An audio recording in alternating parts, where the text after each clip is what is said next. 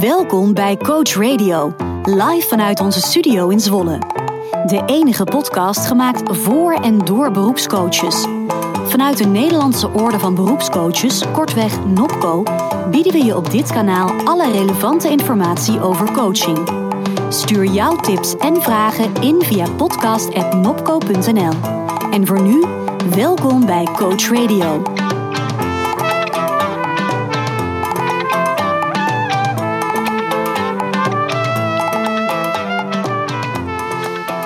Van harte welkom allemaal bij een gloednieuwe aflevering van Coach Radio, de podcast van de Nederlandse Orde van Beroepscoaches. De trouwe luisteraar heeft al opgemerkt dat we een gloednieuwe jingle hebben, inclusief vernieuwde voice-over. We maken deze podcast tegenwoordig vanuit onze eigen studio in Zwolle. Na alle opmerkingen van het vorige seizoen hebben we er alles aan gedaan om jullie suggesties en adviezen te verwerken in het podcastformat. We zijn ontzettend blij met de duizenden luisteraars die iedere maand intunen op Coach Radio. Te beluisteren via je favoriete podcast-apps zoals Spotify, Soundcloud en Apple Podcasts. Vergeet je niet om ook een recensie achter te laten. Het is een kleine moeite en voor ons een heel groot plezier.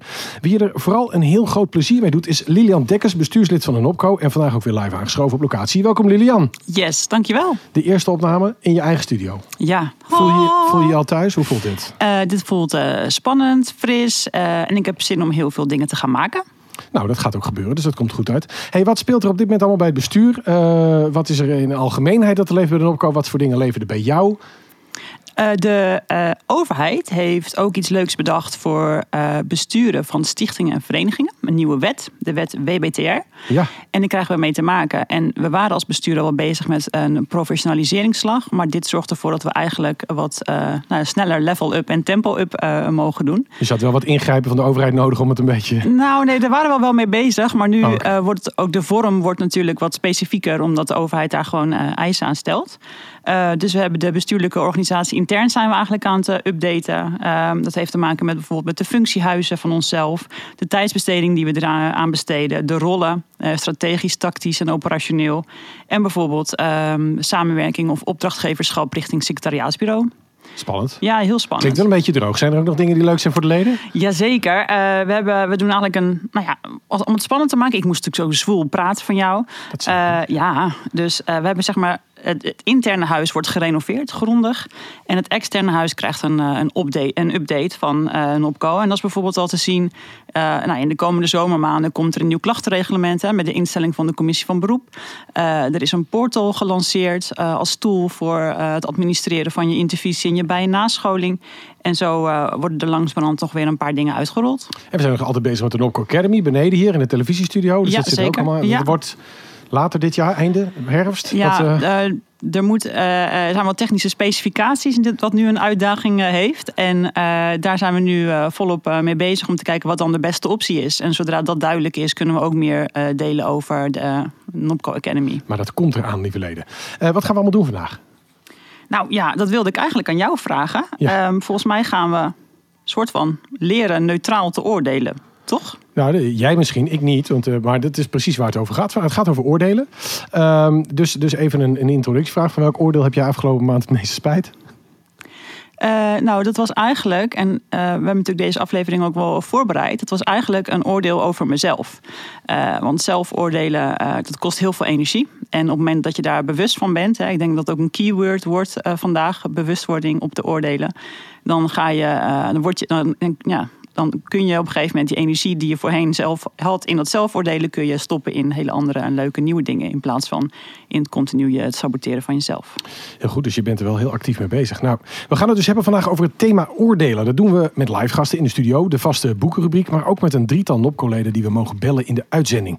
En daar gaan we meteen maar mee beginnen. Uh, er zijn heel veel mensen die hebben zich aangemeld. Uh, in de nieuwsflits stond een bericht. Er waren er tientallen deze keer en we hebben er dus drie uitgekozen. Maar blijf je wel alsjeblieft aanmelden. We vinden het namelijk super leuk als jullie meedoen. Ja, en hou dan ook de nieuwsflits en zo en ja, de aankondiging in de gaten. Want ja, dat ik vind het wel een raar ding, want ik moet iedere keer losklikken en dan ga ik naar die website. Misschien kunnen ze daar ook nog eens wat aan doen. Maar goed, dat, Dankjewel uh, voor je tip. Dat was mijn suggestie die er bij deze niet meer uit kan. Goed, we gaan uh, bellen met niemand minder dan Henriette de Weert. Ze is Nopco-coach vanuit haar praktijk uh, What Als. Ze schrijft op het Engels. Op haar website stelt ze voorzichtig dat je eigenlijk best tevreden zou kunnen zijn. En als je dat nog niet belt, bent, dan, dan gaat ze je daarbij helpen.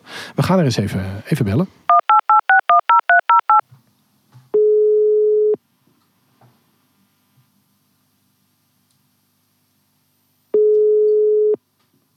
Henriette. Goedemorgen Henriette, met een opkoop, met Arvid. Goedemorgen. Fijn dat je even tijd voor ons hebt. Hey, we hebben het vandaag over het thema oordelen. Ik begreep dat jij soms een beetje aarzelt om jezelf coach te noemen en dat wel eens vervangt door mentor. Kun je eens toelichten waarom?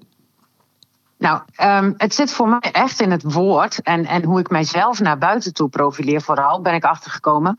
Um, want als ik mezelf coach noem, dan heb ik altijd het gevoel dat ik voorzichtig moet zijn en uh, uh, nou ja, me vooral niet te expliciet moet uitdrukken en alle opties open moet laten.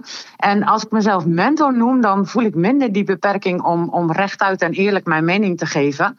Uh, zonder dat ik dat moet verpakken in mooie volzinnen. En uh, ja, als coach begeleid je iemand waar die is van naar die, waar die uh, naartoe wil. En dat doe ik als mentor in principe ook. Alleen praat ik uit ervaring en adviseer en begeleid ik meer dan wanneer je coach bent. Hey, dat is mijn idee. En is oordelen überhaupt schadelijk volgens jou? Nou, ik denk juist niet. Um, want als je kijkt naar de uh, definitie van oordelen, dan is het volgens mij een mening over iets of iemand hebben. Um, en als je door een logische redenering tot een gevolgtrekking bent gekomen, ja, dan, dan deel je dat met iemand, is mijn idee. En ik denk juist dat het schadelijk is om um, mensen niet te vertellen. Um, wat jij vindt en wat je ziet. Want tegenwoordig moet alles heel voorzichtig en, en heel positief verpakt worden. En je ziet dat jongeren daar op een gegeven moment over uh, uh, op vastlopen. Ze leren niet meer om met, met lastige en moeilijke situaties om te gaan. En juist als je um, eerder, denk ik, in een eerder stadium je mening geeft of mensen ergens attent op maakt, um, is dat minder schadelijk dan dat ze helemaal vastgelopen zijn en je moet het dan helemaal terug gaan draaien. Dus, dus mijn mening is dat het juist niet schadelijk is. Hey, en zijn er situaties waarin het wel onwenselijk is? Een oordeel? Ja, tuurlijk. Ja, tuurlijk. Er zijn, uh, uh, tuurlijk zijn er situaties en, en er zijn zowel jongeren als ouderen die van alles meemaken. Ik begeleid ook mensen die, die PTSS hebben. En, en ja, dan ga je niet over alles een, een, een oordeel geven. Want wie ben ik om te oordelen? Weet je, ik, ik ehm, kan ergens iets van vinden. Uh, en ik kan een mening hebben, maar dat zegt niks over de persoon zelf. Maar dat zegt over hoe ik ergens tegenaan kijk met mijn kennis en, en mijn ervaringen. Um, maar dat is geen oordeel. En, en ik vind dat we juist niet hè, oordelen, een mening hebben mag, maar veroordelen, dat, dat, dat mag niemand doen. Geen coach, maar, maar ook niet als persoon. Dus je mag wel iets met iemand delen, maar, maar veroordelen, um, ja, dat is, dat is anders dan oordelen. Maar dat, daar gaat het dan naartoe. En dat mag naar mijn idee nooit. Hey, en, en in situaties waarin je zegt, er zijn de situaties dat het wel wenselijk is, zeg jij, en waarin het niet wenselijk is.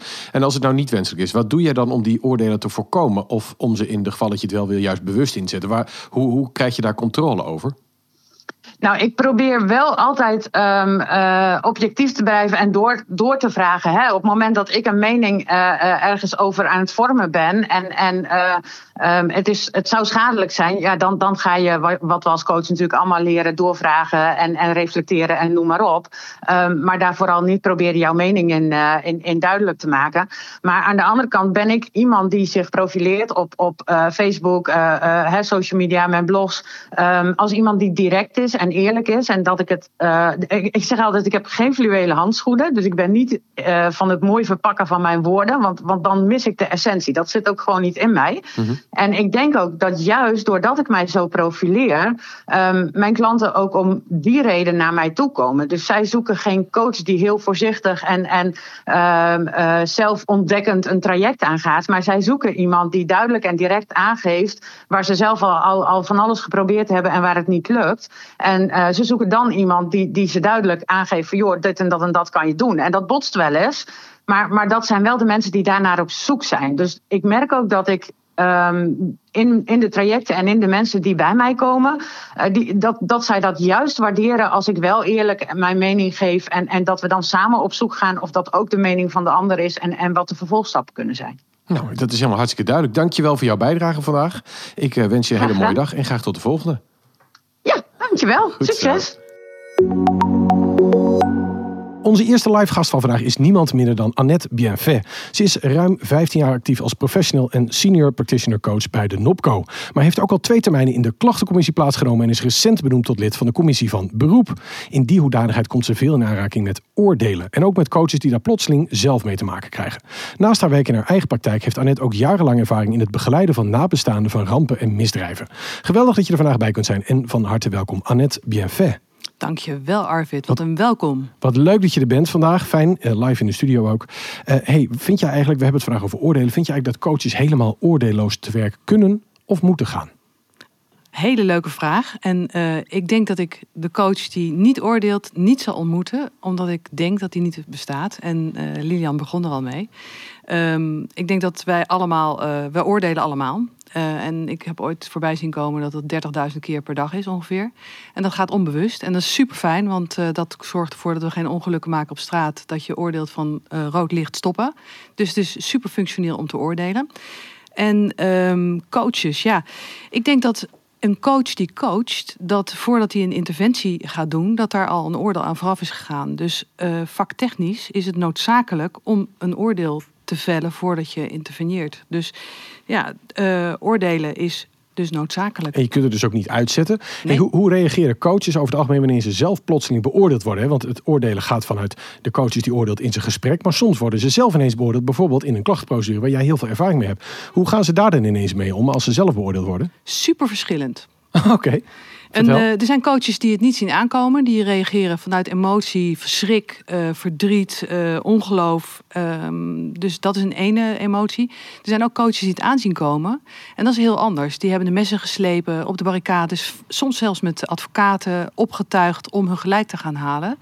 En dat is uh, dus twee uitersten. En zijn dat ook de reacties die normale mensen die niet coach zijn ook vertonen? Is het eigenlijk heel menselijk dat je enerzijds op, op een oordeel kunt reageren van oké, nou ja, ik kan dit hebben, ik ben stabiel en ik denk erover na. En de anderzijds van joh, ik word er defensief van. Is dat ook wat eigenlijk gewoon menselijk is? is de vraag ja, coach, zijn ja, coaches mensen? Ja, precies. Ja, dat is een mooie. Nee, dus eigenlijk doen ze precies hetzelfde als andere mensen. Hey, en, en hoe gebruik je dat dan als coach? Want, want als je weet dat dat de reacties zijn die je kunt verwachten, wanneer is het dan wel functioneel als je het inzet? Uh, om te oordelen? Ja. Uh, het is altijd functioneel om te oordelen. Het is de vraag, wat doe je met een oordeel? Wat zie je in de praktijk misgaan in het werken met oordelen bij professionele coaches? Wat, wat uh, gaat er mis? Nou, wat ik, wat ik zie is dat uh, als je een coach hebt um, die uh, vanuit de eigen waarheid, hè, er is maar één waarheid, uh, dus één coachvorm die er is, of ik weet wat het allerbeste is voor jou, dat is ook zo'n zoiets. Of een haperend reflecterend vermogen, dat is ook een, wat ik zie dat er bij professionele coaches misgaat. En meegaan in het drama van de coachie. En daarmee creëer je dus dat een coachie uh, een slachtofferrol aangemeten krijgt. En ik denk dat dat, dat zie ik wel vrij vaak misgaan. En als ik ook kijk naar de klachten die we behandeld hebben, is dat, komt dat eigenlijk wel aan de orde. Heb je een voorbeeld wat je zo voor op het netvlies ligt waarvan je denkt, nou dat kan ik in algemene woordingen beschrijven van, dat is een typisch voorbeeld waar dat misgaat? Uh, ja, was een coach die coachte uh, een, van, een, een, van een echtpaar, een, een van de twee. En die lagen in scheiding. En zij heeft een oordeel geveld over de partner. Ja. Wat in de rechtszaak ook uh, naar voren is gebracht. Ja, ja. Nou, en dat is typisch voordeel, voorbeeld van een oordeel vellen uh, waar het niet op zijn plaats is. En wat ook uh, voor een NOPCO-coach not done is. Duidelijk. Hey, en nou heb jij een hele bijzondere ervaring, want je hebt ook jarenlang mensen begeleid, de nabestaanden van rampen en misdrijven.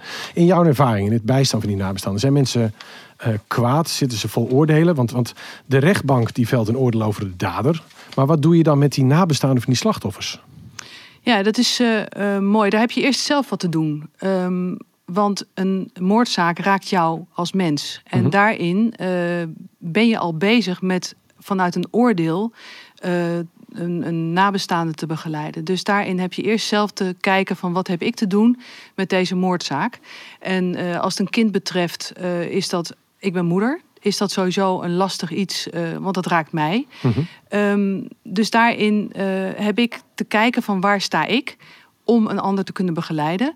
Want nabestaanden zijn vaak vol woede en uh, focussen zich heel erg van ja, die, de, de verdachte moet gestraft worden. En doordat die focus daar ligt, is het vaak zo dat uh, het rouwproces geen ruimte krijgt. En dan het ligt... oordeel vervangt dan eigenlijk het rouwproces eventjes. Ja, exact. Ja. En dat is veel makkelijker om in woede in een oordeel te gaan zitten... dan dat je gaat kijken van wat, uh, wat heb ik te doen en een rouwproces aangaan. Dat is hartstikke ja, dat is pijnlijk. Maar daar helpt het oordeel dus eigenlijk helemaal niet. Nee, daar werkt een oordeel absoluut tegen. Ja, Dat is bijzonder hè, hoe dat kan. Wat, wat zou dat, uh, wat bepaalt nou wanneer het oordeel wel of niet voor je werkt? Heeft het, heeft het, is daar een soort eenduidigheid in te vinden?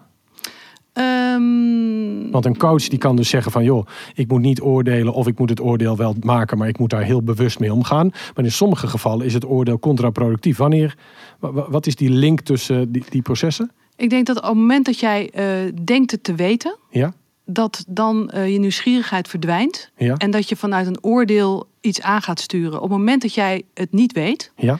eh, dan heb je gewoon de kans om nieuwsgierig te blijven. En vanuit daar je vragen te stellen. En dan ga ik even te samenvatten, moet jij zeggen of ik gelijk heb. Dus jij zegt eigenlijk oordelen kan, maar als je dat kunt doen vanuit niet weten. Ja.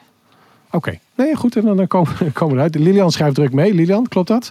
Kun, kun je daar ook ik- nog in vinden? Ik vond dat mooi. Ehm, een van mijn vragen was inderdaad ook... eh, wat onderscheidt dan een oordeel van een veroordeling? Hè? Als je het puur hebt over eh, dat doen, zeg maar. Maar dat breng je nu heel mooi eh, in kaart voor mij. En eh, ja, je begon eigenlijk met, mijn, met antwoord geven op mijn eerste vraag. Zijn er situaties waarin een mens of coach juist wel op zijn of haar oordeel moet afgaan? Nou in het verkeer lijkt me dat natuurlijk eh, logisch bijvoorbeeld. Maar heb je daar ook een voorbeeld van in de coachpraktijk? Dus wanneer moet een coach nou juist wel eh, op zijn oordeel afgaan? Nou, op het moment dat je een grens stelt, dan stel je duidelijk een grens ehm, gebaseerd op een oordeel. Want je stelt een grens nadat je af hebt gewogen van wat moet ik doen hier.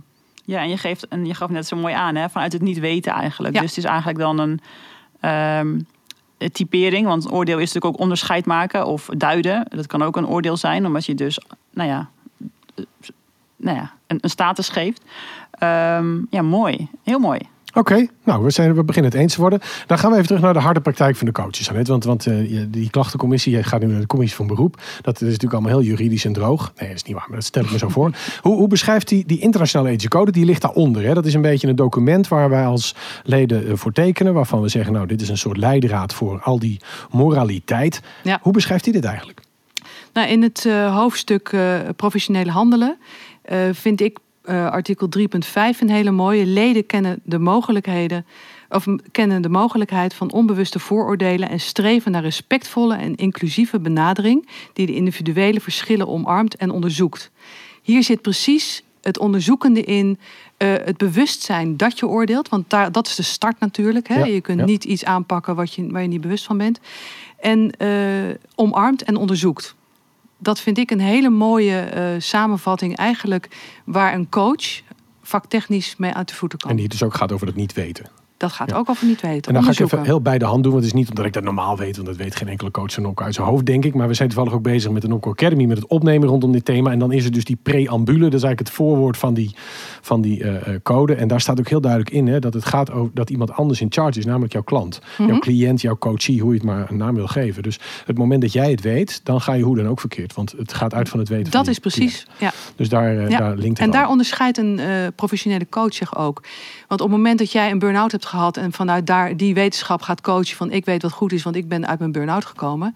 Dat is altijd vanuit niet nieuwsgierigheid. ehm, Dat is meer weten en trainen en eh, de weg willen wijzen. Ja. En dan gaat het dus snel fout. Hey, eh, eh, we hebben het over coaches die dus, er zijn er veel, die proberen nadat ze zelf iets hebben meegemaakt dit mooie vak te beginnen. Dat is helemaal niet per se verkeerd. Maar wat zou je die startende coaches willen adviseren? Want de meesten beginnen dan nog met een opleiding. Wat zou je ze adviseren rondom het thema oordelen? Hoe ga, hoe ga je dit grijpen? Hoe ga je hiermee werken?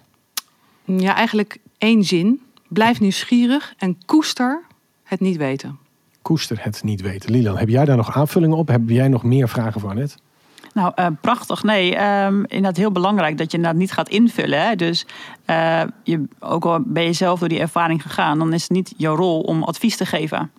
Nee, en, en het is ook N is één. Hè? Als jij zelf uit je burn-out... Precies, De meeste ja. mensen die uit de burn-out komen gaan niet terug naar een baan, maar die gaan ineens coach worden. Dus dat is sowieso een vermijding van de oorspronkelijke eh, stress. Maar goed, we gaan niet diep op de casuïstiek in, toch? Vandaag. Nou, andere keer, andere Ik, zie- keer. ik zie Lilan heel verlangend kijken. Ja, van, nou, oh, dat zou ik ja. best leuk vinden. Ja. Goed, Eh dankjewel Annette voor je komst en, eh, naar de studio. En heel graag tot de volgende. Graag gedaan, een leuk onderwerp. We gaan verder met onze tweede studiogast. Dat is niemand minder dan eh, professor Dr. Gabriel Antonio. Nou, dat is nog een titel als je, die, eh, als je die achter je naam hebt staan. Hij is als bijzonder hoogleraar sociologie verbonden aan de Rijksuniversiteit Groningen. Naast zijn hoogleraarschap is hij een bijzonder ervaren bestuurder, auteur van vier taalboeken en gelukkig ook bereid om ons in de Nopco-studio te bezoeken. Van harte welkom, Gabriel. Ja, dankjewel dat ik hier kan zijn. Wat een eer dat je er bent. Je hebt toch al wat titels achter je naam. Hoe lang heb je gestudeerd in totaal? Ja, ik ben zo'n beetje de eeuwige student. Ooit begonnen op de MAVO en eh, geëindigd met een promotietraject en een postacademische leergang. Dus ja, dan zit je toch op zo'n bijna 20 jaar. 20 jaar studie. Nou goed, het, het was het allemaal waard. Hey, we zitten hier vandaag om het, om, om, rondom het thema oordelen. Daar gaan we met jou echt dieper om in. Om maar meteen met een hele grote deur in huis te vallen. In onze voorbespreking vertelde hij over de filosoof Emmanuel Levinas. Een van oorsprong Franse militair die stelt dat de ander verschijnt als ontoegankelijk schepsel dat een appel doet op mijn verantwoordelijkheid. Dat is heel ingewikkeld. Kun je mij als eenvoudige podcastmaker een beetje chocola maken en misschien voor een paar luisteraars die, die even vertwijfeld zijn als ik? Ja, Levinas, uh, ik noem hem ook wel eens de liefste filosoof die ik ken. Uh, maar tegelijkertijd is het ook op onderdelen wel taaie kost. Uh, en ik zal proberen heel kort even samen te vatten wat in ieder geval mij raakt in zijn gedachtegoed. Ja. Het mooie van Levinas vind ik dat zijn denken op een plaats der moeite is ontstaan. En dat is de Tweede Wereldoorlog. En dat ging natuurlijk over een duistere periode in Europa. Hij heeft het van dichtbij meegemaakt. Uh, als, uh, als Joods religieus, als gelovige. Groot deel van zijn familie uitgemoord. En hij heeft natuurlijk stigma's, categorisering, um, exclusiviteit. Hij heeft het van dichtbij meegemaakt. Oordelen. Mm -hmm. Uh, en ik vind het zo mooi dat, en dat geldt voor heel veel filosofen, dat de, de mooiste gedachten ontstaan in die plaats der moeite. Maar vervolgens wordt hij in zijn filosofie heel hoopvol. En een van de kernen in zijn filosofie is de filosofie van de ander met een hoofdletter. En de ander, de medemens, is een oneindig verhaal. Die kan ik niet, niet vangen in een categorie. En omdat ik het niet kan vangen in een categorie, is het oneindig en dus ook verbonden met het eeuwige of de eeuwige. Mm. Ja, en dat vind ik zo'n mooi huis om in te wonen. Dat is een bijna een spirituele boodschap uh, die, ja, die, ontstaat. Hij zit vanuit de Joodse filosofie en het denken en ook zijn religiositeit. Uh, zit, hij, zit hij midden in de worsteling van wat is er toch met ons Joodse volk in de Tweede Wereldoorlog gebeurd. En tegelijkertijd wil hij het ook niet, zeg maar, het religieuze kader ontmenselijken. Dus dan brengt hij het weer heel dichtbij in het gelaat van de ander, de medemens. En hoe, hoe voor mij, nogmaals, als domme podcastmaker, ik, hoe, hoe moet ik dat ander met een hoofdletter? Ik kijk nu naar jou, naar de ander. Wat kan ik dan hier nu op dit moment met, dat, met die wijsheid? Ik denk het mooiste is als ik daar heel kort een voorbeeld van, uh, Graag, van ja. geef. Uh, ik werkte jarenlang uh, in de jeugdzorg. En uh, nou, na een jaar kwam ik een meisje tegen. Ik deed een werkbezoek in een jeugdgevangenis. En dat meisje zei, laten we het bezoek maar afhaken. Want ik heb er geen zin meer in. Uh, ze stotterde, ze was verdrietig. En toen stelde ik de O-vraag. En ik denk dat als coaches we heel vaak de O-vraag mogen stellen. O is de verwonderingsvraag. Er zit geen oordeel in, maar zoiets van kom met jouw verhaal. En ik stelde de O-vraag. O, dus niet O, maar Hm? O. En ik kon ook gekrenkt reageren omdat ze zegt, nou, laten we het bezoek maar afbreken. De O-O-vraag. En, uh, en toen zei ze, ja, ik word straks gevisiteerd. Ze zitten weer aan mijn lijf, aan mijn lichaam, in al mijn lichaamsopeningen. En u kent mijn geschiedenis van seksueel misbruik en mishandeling en allemaal ellende. En ik hoor mezelf nog stotteren en ik zeg zoiets van... ja, maar ja, ik werk hier ook niet en ik kan er ook niet zoveel aan doen. En sorry, ja, wat vervelend, ja, ik snap het. Um, uh, maar ik had eigenlijk beter nog een paar overvragen kunnen stellen. Um, maar in ieder geval deed de ander, hoofdletter nu, een appel op mij. Mm -hmm. En dat appel kwam binnen. Uh, en dit is in de kern wat uh, Levinas bedoelt. Het appel van de ander op jou. En dat is meer dan een rationeel appel. Er gebeurt iets op hartsniveau. En toen ik terugreed, uh, was nog wel een worsteling in mijn gedachten. Maar om een lang verhaal kort te maken, toen heb ik het voornemen opgevat om een, uh, een, nieuwe voorziening in Friesland te starten. Dat is de Woodbroekers geworden. Uh, ik heb een oud hotel uh, opgekocht, ontwikkeld, zodat deze kinderen, met name ook kinderen met ja, misbruik, mishandeling, trauma's, niet meer in jeugdgevangenissen in het land opgenomen zouden worden, maar een plek zouden krijgen in Friesland. En het mooie was, ik noem maar even Alona, toen zij in 2010 samen met André Rauwvoet de kliniek opende. Dat deden ze door middel van aan een bel te trekken. Het was een oud hotel, er hing nog een grote bel voor als het ontbijt begint. Uh, toen ze dat opende, toen zei ze over de schouder... Kijk, kijk meneer Antonio, nu heeft mijn lijden toch zin gehad. Wauw. Want hier, hier, kunnen straks al die andere kinderen naartoe... en hoeven ze niet meer, hoeven ze niet meer in die uh, verrekte gevangenissen in de rest van het land. En dan krijgt mijn leven en mijn werk ook zin en betekenis. Wat je, wat je hier ziet, is het appel van de ander. En dat gebeurt soms in een coachingsgesprek, maar dat gebeurt soms ook in je gezin of onderweg. Soms voel je een, een dieper appel. En waarom is dat het appel van de ander? Omdat het een soort universele principe is, een soort kernwaarde raakt. En dit is in een nutshell een voorbeeld van hoe ik zelf Levinas interpreteer. Het appel van de ander. En door Ilona heen hoorde ik ook, ook de stem van al die honderden andere kinderen die in voorzieningen werden geplaatst wat niet gepast was. En, en dit een prachtig voorbeeld, ook een groot voorbeeld. Als je dit in, in kleinere schaal ziet, hoe voel je dat die ander die gezien wil worden? Hoe, hoe kun je dat herkennen? Als je dat nou heel praktisch en je zou starten met dit vak en die sensor is misschien nog niet extreem goed afgesteld, wat zijn handvatten die zou kunnen meegeven? Oké, zo herken je dat die ander gezien moet worden. Wat voor. Wat, ja, wat zit het, eerste is, eh, en dat klinkt even misschien heel raar, maar je moet allereerst heel goed contact hebben met je eigen gevoel. Dat klinkt niet raar, dat klinkt heel Eh, gezond. Ja. Hè, dus op, op, het moment, op het moment dat ik eh, gestrest de dag begin ehm, en, en druk ben. ehm, en om nog een voorbeeld te noemen, mijn zoon heeft geen taalontwikkeling. Hij heeft een verstandelijke beperking en autisme. En als ik in zo'n management mood zit, dan ben ik met zijn broodtrommel bezig en zijn laars en zo overal. Want hij gaat overdag naar de zorgboerderij. De eerste keer begreep ik het niet goed. Dan komt hij wel eens voor me staan en legt hij twee handen op mijn schouder. En toen maakte ik in gebarentaal aan hem duidelijk van... maar heel wat wil je? Hij zuchtte alleen maar.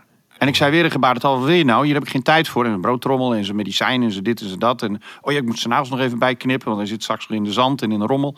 Eh, allemaal van die verzorgingsdingetjes. Hij functioneert op leeftijdsniveau van een kind van nog geen drie. Hij is een grote jongen. Maar dan komt hij voor me staan, legt hij de hand op mijn schouders. En wat hij dan eigenlijk tegen mij zegt... het duurde even voordat ik dat appel snapte... Papa, er is geen ander belangrijk moment dan nu. Mooi hè? Wil je nu bij me zijn, want je bent al daar. Ja. En, en wat ik elke coach gun, is eh, ook, ook niet het jachtige leven van het ene gesprek in het andere, maar ook weer momenten om dat contact met jezelf te zoeken. Want als je het goed hebt met jezelf aan de binnenkant, dan kan het contact met de ander met een hoofdletter ook beter. Ja, mooi. Prachtig.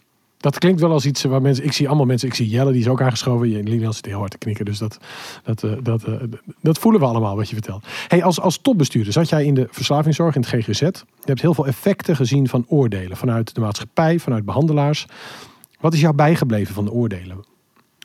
Ja, wat mij bijgebleven is, en ik blijf ook maar even bij mijn eigen oordelen. Toen ik begon in mijn enthousiasme in mijn jonge jaren in de jeugd, vond ik nogal wat cliënten sneu en zielig. En ik wilde ze allemaal redden en allemaal helpen. Nou, voor een deel zijn ze ook kwetsbaar en kun je er ook medelijden mee hebben en zelfs verdriet voelen. Dat je denkt, jongen, je zou dit toch maar allemaal meegemaakt hebben. Maar tegelijkertijd heb ik ontdekt dat er, hele krachtige personen tussen zitten. Ik heb jarenlang op Hoog Katerijnen gewerkt met randgroep jongeren. En ik dacht, wat een overlevers en wat een kracht. Eh, en ik denk ook even aan het werk van Edith Eger. Die zegt, ik heb ervoor gekozen om geen slachtoffer te zijn, maar een overlever. Ik ga wel door een dal van duisternis, maar ik woon daar niet. Ik trek er doorheen. En wat ik elke keer heb gemerkt is dat als ik dacht van... nou, je zou toch zo aan het eind van een route zitten, zo opgevoed zijn... zo misbruikt, zo mishandeld, zo verslaafd, vul allemaal maar in. Jongen, jongen, jongen, ik zou zelf bij de pakken neer gaan zitten... en dan kwam er toch een veerkracht aan. En dat is wel in het schatgraven, ook in de coaching... en ook in de hulpverlening waar je naar op zoek gaat. En, en dat is wel het bijzondere als je, als je de goede omstandigheden creëert en ook de ontmoeting die veiligheid biedt en je de tijd en de rust neemt, dan vind je soms een veerkracht in mensen. Nou, daar, daar, daar ben ik zelf bij herhaling door verrast. Maar, maar zeg je daarmee ook dat je eigenlijk niet kunt oordelen over iets of iemand. als je het niet helemaal beleefd en gevoeld hebt? Jazeker. Um, en zoals ook al net gezegd werd, uh, oordelen hebben een, uh, hebben een functie uh, in ons leven. Maar de mens is zo groot en zo oneindig dat als wij een mening of een oordeel hebben over iets, is het altijd over een aspect. En ik zeg ook altijd, we moeten onze oordelen ook beperken tot gedragingen of door uitingen of wat dan ook. Maar ik vind het verschrikkelijk als iemand zegt, oh ja, dat is ook zo'n autist, die werkt op die afdeling. Of, oh, dat hebben we weer van die blauwe mensen. Ja, dan zit je toch heel dicht bij de Tweede Wereldoorlog, waarin we elkaar opsluiten en elkaar een etiket opdrukken. Um, en Levinas noemt het ook een vorm van afgoderij, stenen gesneden beelden maken. He, dat zien we ook in de Joodse wet, uh, zien we dat terug. En dat is het ergste wat de medemens de ander aan kan doen, is een categorie van iemand maken en je daarin opsluiten. Dat gebeurt vandaag ook. Er zijn wappies tegenwoordig, zelfs in het journaal worden ze het zo gebeurt, genoemd. Het Dus gebeurt helaas veel te heel veel. actueel. Ja. Het gebeurt helaas veel te veel. En je kan ook denken aan het werk van bijvoorbeeld een Herbert Marcuse... die een prachtig werkstuk heeft geschreven over de eendimensionale mens. Het gebeurt ook gewoon in een professionele omgeving... dat je alleen maar als dokter of als verpleegkundige of als leerkracht uh, wordt benaderd. Terwijl we zijn meervoudig intelligent. We hebben heel veel talenten. En het is zo jammer vaak dat organisaties dat niet zien. En je vaak in die enge maal drukken. En op een gegeven moment, als je daar ook te veel aan toegeeft... dan word je zelf ook een eendimensionale denker. En daar kun je doodziek van worden. En welk, want je zegt er zijn verschillende aspecten waar je over kunt oordelen. Welke aspecten zou je zeggen, nou daar kun je best wel iets van vinden. En welke aspecten moet je eigenlijk ver van blijven? Ja, er zijn natuurlijk gewoon morele kwesties waar je iets van kunt, uh, kunt vinden. Uh, ik heb jarenlang in de verslavingszorg gewerkt. Ehm, en in de verslavingszorg is het standaard. Wij vinden dat verslaving aan drugs, alcohol, andere verslavingen niet oké is. Daarmee zeggen we niet eh, dat een leven zonder verslaving altijd mogelijk is. Maar we zeggen wel dat het nastrevenswaardig is. Dus daarmee heb je een oordeel. Heb je een oordeel over gezondheid, heb je een oordeel over ziekte. Tegelijkertijd accepteren wij ook dat een deel van de mensen het bijvoorbeeld niet lukt om drugsvrij verder te gaan door het leven. Daar hebben we dan een metadonprogramma voor. En dan moet je heel voorzichtig zijn om te zeggen van ja, die mensen hebben een zwakke wil. Of uh, ja, er zijn slappelingen, dus die zitten aan een soort vervangende drugs. Nee, dat zijn mensen als een geheel, als een totaal. En net zoals een ander misschien een hand of een voet mist en een beperking of een ziekte of een handicap heeft. Zo moeten we ook leren te accepteren, ondanks onze morele oordelen. Dat we vinden dat je uh, krachtig moet zijn en altijd maar gemotiveerd moet zijn. Dat je soms moet accepteren dat iemand heel goed kan functioneren als hij per dag een kleine dosis methadon krijgt. En dat hij daar ja, zijn leven weer mee rond kan krijgen. En, en, en in al deze verhalen zou je eigenlijk kunnen concluderen van het oordelen, daar moet je best wel veel van vandaan blijven. Nou is het zo, je hebt zelf ook een fonds opgericht. Dat wordt bestuurd door oud-cliënten die voor elkaar beslissen of hulp uit het fonds beschikbaar komt. Is de vrijheid om te oordelen ook soms een manier om het zelfbeeld en de autonomie te bekrachtigen? Is dit ook iets wat je, wat je eigenlijk heel veel sterker maakt als je mag oordelen? Ja, zeker. Um, een van uh, ja, mijn passies is, uh, is dat ik me graag inzet voor armoede. En nog wat dieper, um, als je kijkt in mijn back-office, dan gaat het over het thema vernedering. Armoede is vernedering. Mm -hmm. uh, en wat ik heel veel zie in de zorg, dat hulpverleners nog wel eens gesprek hebben met iemand die in een armoedesituatie zit, van hoe voelt dat nou? Nou, als je dat met een moeder, dat gesprek hebt om vrijdagmiddag half vijf, dan is dat heel pijnlijk. Dan moet er gewoon een tas met boodschappen komen. Uh, en ik heb me altijd ingezet voor fonds. Ik heb meerdere fondsen opgericht. En het mooie van zo'n fonds vind ik als ook uh, cliënten of ex-cliënten in de beoordelingscommissie een, uh, een rol kunnen pakken. En dan heb ik het over uh, zelf de ervaring hebben door verslaving of door psychische nood, je leven niet op de rit, in armoede zitten. En dan vervolgens in een positie zitten waarin je kan wikken en wegen, ja, soms ook een oordeel, als er een aanvraag is voor een nieuwe, ja, um, bijvoorbeeld een nieuwe bank of een bed of een babyuitzet of, of een kunstgebied. Ja, precies, ja, ja zeker. Ja, of een bril. Hele praktische dingen uh, die mensen helpen in hun herstel. De maar, vernedering is dat je gebogen loopt. En het herstellen is dat je weer rechtop loopt. En op het moment dat een cliënt die zijn eigen probleem heeft overwonnen, dat functioneel kan maken op een positieve manier. Ja, precies zoals je het zei, dan draag je bij aan het herstel en dan kan iemand nog wat verder rechtop lopen. Maar diegenen die dus mogen oordelen hierover, die, daar, daarvoor is het dus ook een soort voorrecht, een privilege om te kunnen oordelen. Dus aan de ene kant willen we het hebben. En hebben we het nodig om, voor ons zelfbeeld. Aan de andere kant moeten we het niet misbruiken. Waarom worden we eigenlijk niet geholpen in die balans? Ik bedoel, ik heb nooit een basisschool, we liggen een beetje rekenen en taal. Maar dit klinkt als nogal een primair dingetje.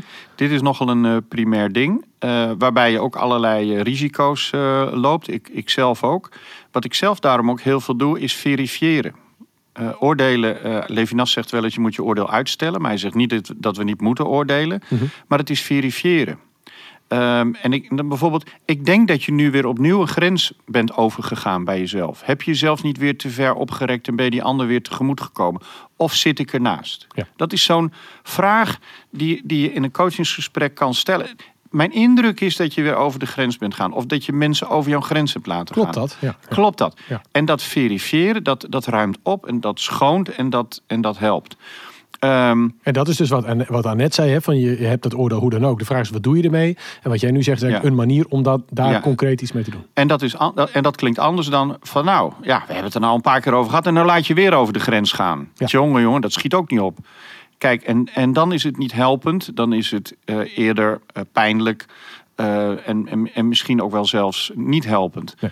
Dat is onnodig, denk ik dan. Heel duidelijk.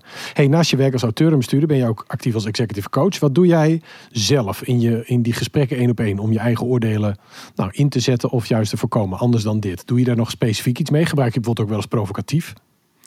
Uh, nou, het, het, eerste wat ik graag uh, doe, ik heb toevallig vanmorgen ook nog een coachingsgesprek gehad, dat ik verschillende soorten vragen heb waar ik mee start, maar ik wil het liefst altijd blanco beginnen. Mm -hmm. Ik kijk er nog even in mijn aantekeningen en denk, oh ja, we zouden het hier en hier over hebben, maar binnen de kortste keren neem je dat als vertrekpunt. Ik wou zeggen, dan is het niet meer blanco. Ja, dus wat ik, wat ik doe, vanmorgen heb ik de vraag gesteld, als we straks het gesprek over een uur, anderhalf uur afsluiten, wanneer is dit voor jou een goed gesprek geweest? Ja. Bijvoorbeeld zo. Ik heb meerdere van dat soort vragen. En dat helpt mij in mijn vooringenomenheid. In mijn oordeel. Dan denk ik, oh ja, prima. Dat aspect van de vorige keer, dat moeten we nu even oppakken. Maar soms is er natuurlijk iets actueels aan de hand. Dan is er iets gebeurd en dat zit helemaal aan de voorkant. Uh, en dan moet ik niet beginnen wat we vier weken geleden hebben besproken. Maar dan moet ik even beginnen bij de actualiteit. Dat is het eerste wat ik doe. Dus proberen met een blanco eh, vel te beginnen. Eh, en halverwege een paar keer te verifiëren. Dan zeg ik, we zijn nu even naar binnen gegaan. Is dit voldoende zo? Zullen we nu even naar de casus gaan? Is, is het daar het moment voor? Is het oké? Dus voortdurend in het proces tussentijds vragen stellen en verifiëren. Met name op het niveau van je oordelen. Maar nou hebben wij in een eerdere aflevering hebben we het erover gehad met Margie Duursma. Die zei ook van er zijn cliënten die vertonen kievit gedrag. En kievit die verstopt zijn eieren en die gaat ergens anders heel hard lopen fladderen. Zodat jij denkt dat daar die eieren zijn. Ja. En waarmee ze eigenlijk stelt van sommige mensen die willen zo die problematiek ontlopen. Dat zie je dus feitelijk bij de neus nemen. En eh, als jij dan vraagt waar we het vandaag over hebben. Ja nou ik heb zo'n leuke caravan gekocht. Of nou dus echt eh, was weer wat aan de hand in de kantine vandaag. Terwijl het eigenlijk gaat over hun eigen functioneren. Hoe voorkom je dan dat de cliënt eh, je meeneemt in een stuk wat ook niet goed voor hemzelf is. Omdat hij zichzelf eigenlijk ontloopt of dingen vermijdt. Ja, mijn stijl is dat ik dat opnieuw verifieer. Mijn indruk is, en sorry dat ik dit beeld gebruik, eh, of eh, ik denk aan het volgende beeld van een kieviet of iets anders. Daar liggen de eieren, daar is de plaats der moeite, dat is de plaats die je wil beschermen. Maar, maar je staat 10 meter verderop. He- help me eens even, klopt dat gevoel? Ja, precies. Ik, ik wil dus in de coaching de ander zoveel mogelijk aan het werk zetten. Heel goed. Nou, dat klinkt dus een hele goede tip. Ik zie Lilian weer meeschrijven. Had jij nog aanvullende dingen, Lilian? Want, eh, Ehm, oh, ik, ik overval nou je. ja, nee, nou, nou ja, ik, nou ja, ik, ik vind het eigenlijk ik vind het prachtig. Ik ga, ik, ik ga Levinas opzoeken. Ehm, het gaat dus inderdaad over verantwoordelijkheid nemen over jezelf. Maar dat vergt bewustzijn eh, op het zelf, hè, op de eigen ik. Los van identiteit. Het gaat over een stukje eh, universeel stuk wat, wat we allemaal meedragen. Dat we daar dus bewustzijn op moeten hebben. Want dan kun je dus ook de anderen eh, ontvangen en daar eh, space voor holden, hè, zoals de Engelsen zo mooi zeggen. Ehm, dus mijn vraag was inderdaad ook van, nou ja, we leren de kinderen, eh, ze leren autonomie en zelfbekrachtiging doordat ze op een gegeven moment gaan oordelen, hè, waardoor ze onderscheid gaan maken tussen ik en de ander. Dus hebben kinderen hebben dat nodig, want het gaat, dat gaat natuurlijk allemaal zo, ja, die moeten die grens nog leren ontdekken. Ehm, dus mijn vraag zou net ook zijn, dan moeten we eigenlijk de kinderen ook leren verifiëren. Eh, nou ja, in elk geval is dat dan na het magisch denken. Ja, want, jij zit met jouw praktijk altijd specifiek ook veel, veel ja, met kinderen gezinnen, gedaan. ouders, gezin- kinderen, ja. Dus eh, eh, zouden we dat, hoe, hoe zouden we dat kinderen kunnen leren verifiëren? Is dat, is dat een te Nou complex co- Ik noem dat eigenlijk hartkracht. Hartkracht. Hartkracht. Dus ik heb vaak met ouders praat ik over hartkracht. En dan vraag ik, eh, kinderen hebben van nature heel veel hartkracht. En wij als grote mensen eh, ja, zijn contact met ons hartkracht eigenlijk. maar hart als metafoor voor het gevoel. Voor het gevoel. Voor, het gaat eh, niet om een hartslag, Nee, het gaat precies. echt, ja. Wat je ervan vindt, mag je dan houden of moet je bij de politie brengen? Wat, zegt je, wat is je hartkracht? Wat zegt, hoe spreekt die? Wat zegt die? En ehm, ja, vaak blijkt dat toch wel eh, wat eh, nodig onderhoud eh, nodig te hebben. En eh, ja, ik vind dat Antonio dat eh, eh, prachtig, ehm, of eh, Gabriel, meneer Antonio dat prachtig zegt. Ehm, Maar Gabriel, even, want jij, jouw zoon die zit op een Ja. mentale leeftijd die, die, die eigenlijk heel mooi representatief is voor heel veel kinderen. Die, eh, hoe, hoe, hoe- heeft hij jou veel geleerd of heb je hem dat ook nog, eh, leer je hem ook dat verifiëren bijvoorbeeld? Hij is eh, de slijpsteen van mijn ziel. Wat heb ik veel van hem, eh, van hem geleerd. Eh, ik heb ook een boekje geschreven over zijn levenslessen die hij mij cadeau heeft gegeven. Het leven praat terug. Ja. Eh, ik vind ook wel dat bij leiderschap, leiderschapsontwikkeling, maar ook wel bij coaching is, dan denken we altijd, we moeten heel veel naar dat leven toe. We moeten dat leven proberen te ordenen en te beheersen. Ik kom uit een kunstenaarsgezin en mijn moeder zei vaak tegen mij, Gabriel, begin vanmorgen weer met een wit vel.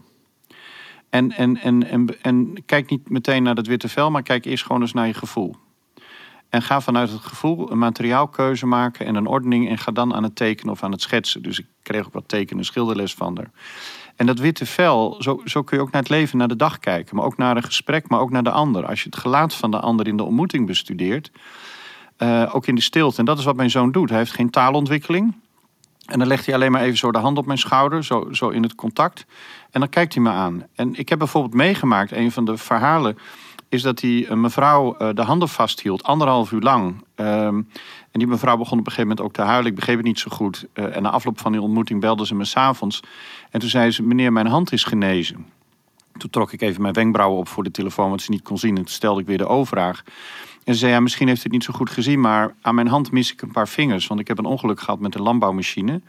Eh, en uw zoon, en ik was een praatje aan het houden... om een boek eh, aan de man te brengen voor een, voor een noodhulpfonds. En uw zoon heeft mij anderhalf uur vastgehouden. Dat heb ik nooit gekund. Ik heb altijd fysiek contact eh, vermeden. Maar toen jullie weggereden heb ik voor het eerst met die beschadigde hand gezwaaid. En ik denk dat hij vanaf nu genezen is. Eh, en dat zit alleen maar in contact en in aandacht.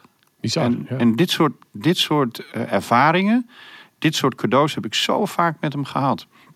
En ehm, wat ik ook zelf merk in, in de praktijk van mijn werk, van leidinggeven of coaching, is dat een van de meest krachtige instrumenten die we gewoon bij ons hebben, oneindig, is liefdevolle aandacht.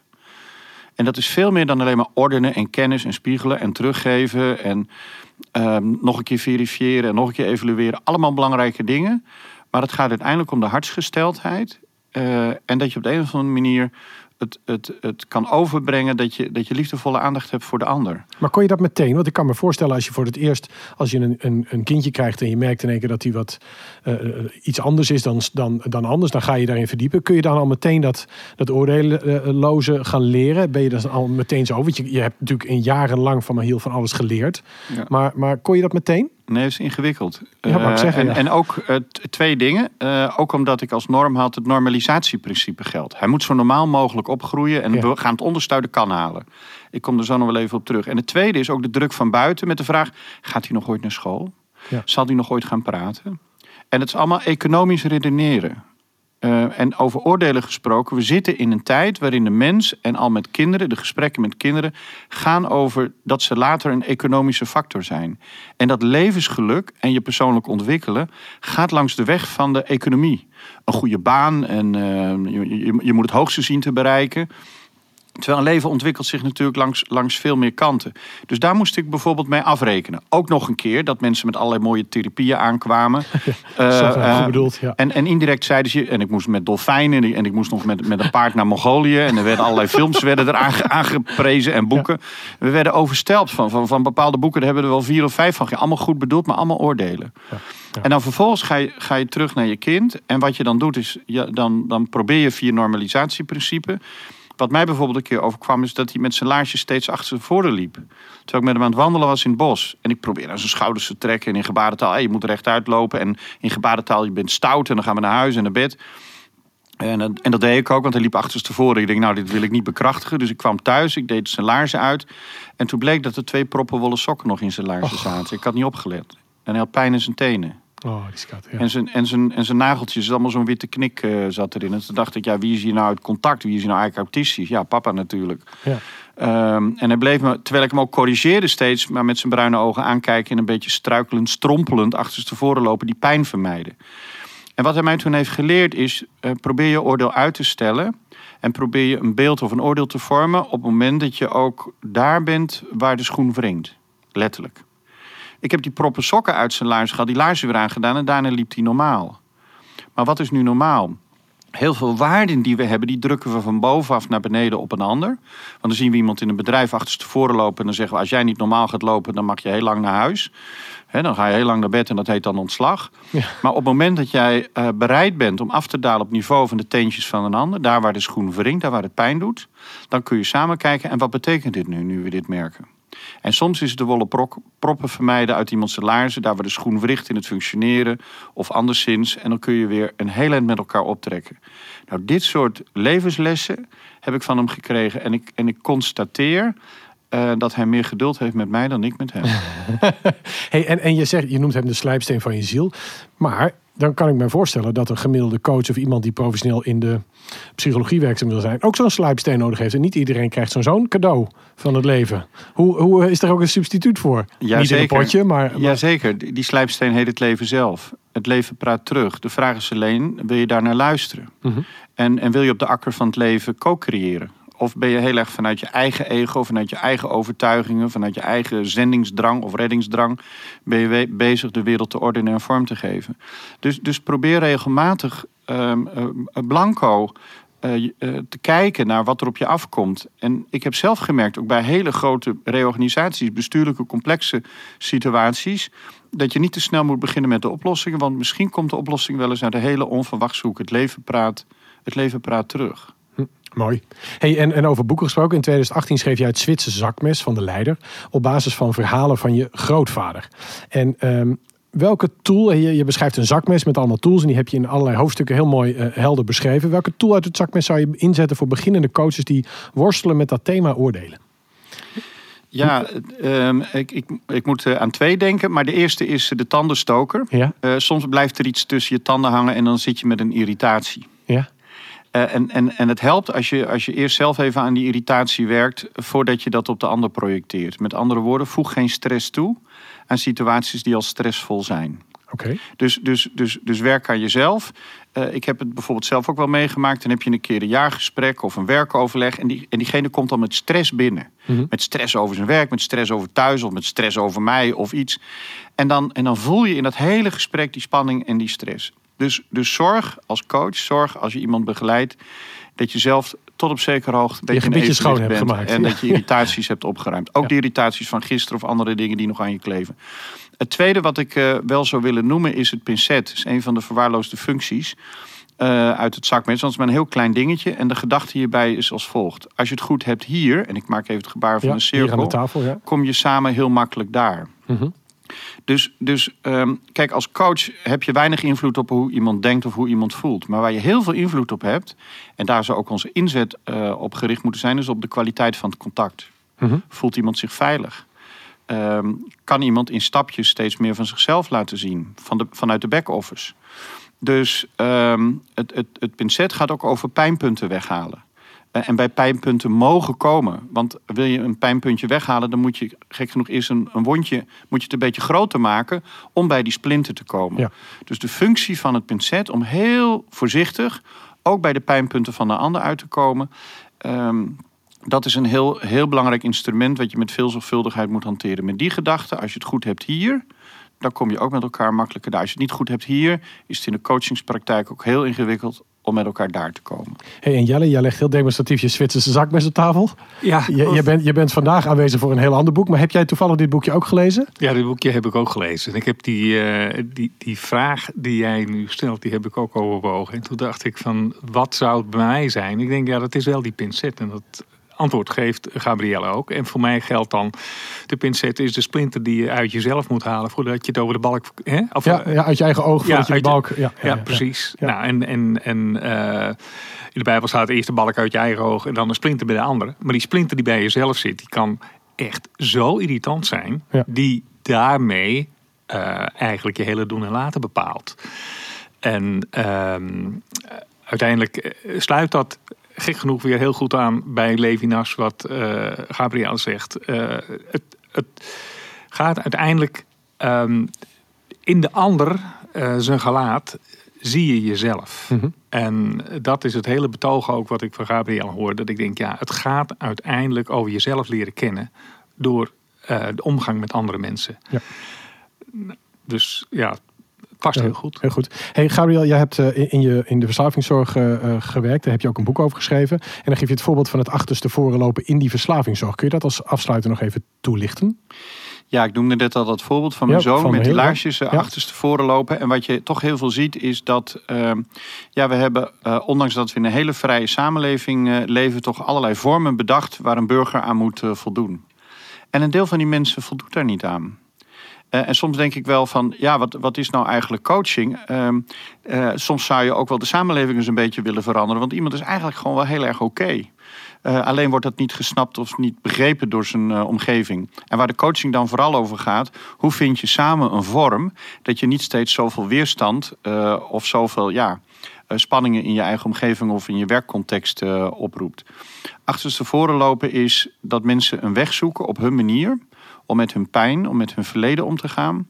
En wat zou het mooi zijn als we als samenleving ook eens wat meer open gaan, wat toleranter worden. Ook misschien voor mensen met autisme of een verstandelijke beperking. Zodat iedereen mee kan, iedereen mee vooruit kan lopen met een opgeheven hoofd. En dat geldt zeker voor mensen in de psychiatrie en in de verslavingszorg. Hey, en, en voor mij, want, want dit soort gesprekken vind je vaker. En ik denk dan van ja, als je naar iemand kijkt en je verdiept je erin, dan wil je diegene toch helpen. Dat blijkt niet altijd zo te zijn. Er stond gisteren nog in de Volkskrant dat de 1% rijkste met een 452 miljard toch niet echt de behoefte voelen om dan voor anderen te zorgen. Eh, eh, dan is continu de vraag die stelt, ja, wat hebben zij er nou aan? Wat heeft iemand eraan als hij iemand anders helpt om erbij te horen? Kun je dat, misschien is dat te filosofisch, maar wat, wat, wat, what's in it for them?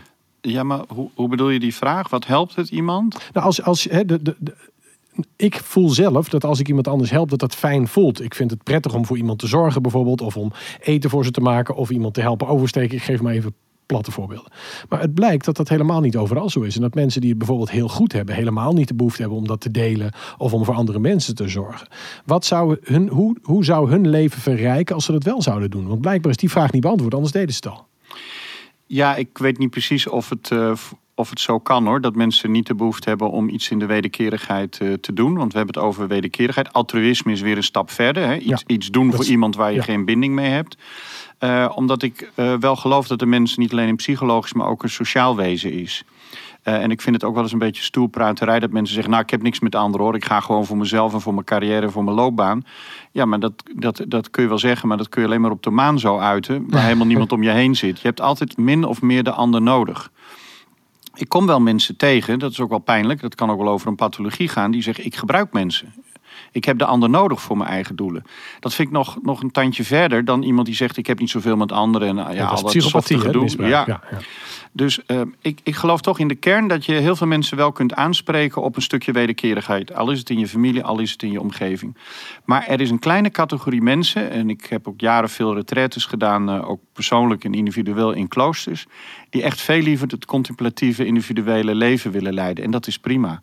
Ook dan kun je je richten op de ander uh, en kun je leven zin en betekenis geven. Dus ik zou niet tegen mensen willen zeggen: je bent een beter mens als je socialer bent of betrokken bent. Maar altruïsme, ja, dat is niet iedereen uh, gegeven. Dat zou ik ook niet aan iedereen willen opleggen. Nee, nou, ontzettend fijn dat je er was. We hebben er heel veel van geleerd, meegeschreven. Uh, nieuwe ideeën voor boeken. En dus ontzettend fijn dat je er was. En heel graag tot de volgende keer. Graag gedaan. Het was okay. een eer om hier te zijn. Heel goed. En, Lilian die doet ook al evenementen. Die heeft uh, druk zitten meeschrijven. Dus die krijgt vast nog allemaal briljante ideeën. Dat kan niet missen. We gaan bellen met Bas Snippert. Aangesloten bij de NOPCO. Auteur van de Vitaliteitsrevolutie. Waarin hij zijn eigen model over zeven vitaliteitspijlers beschrijft.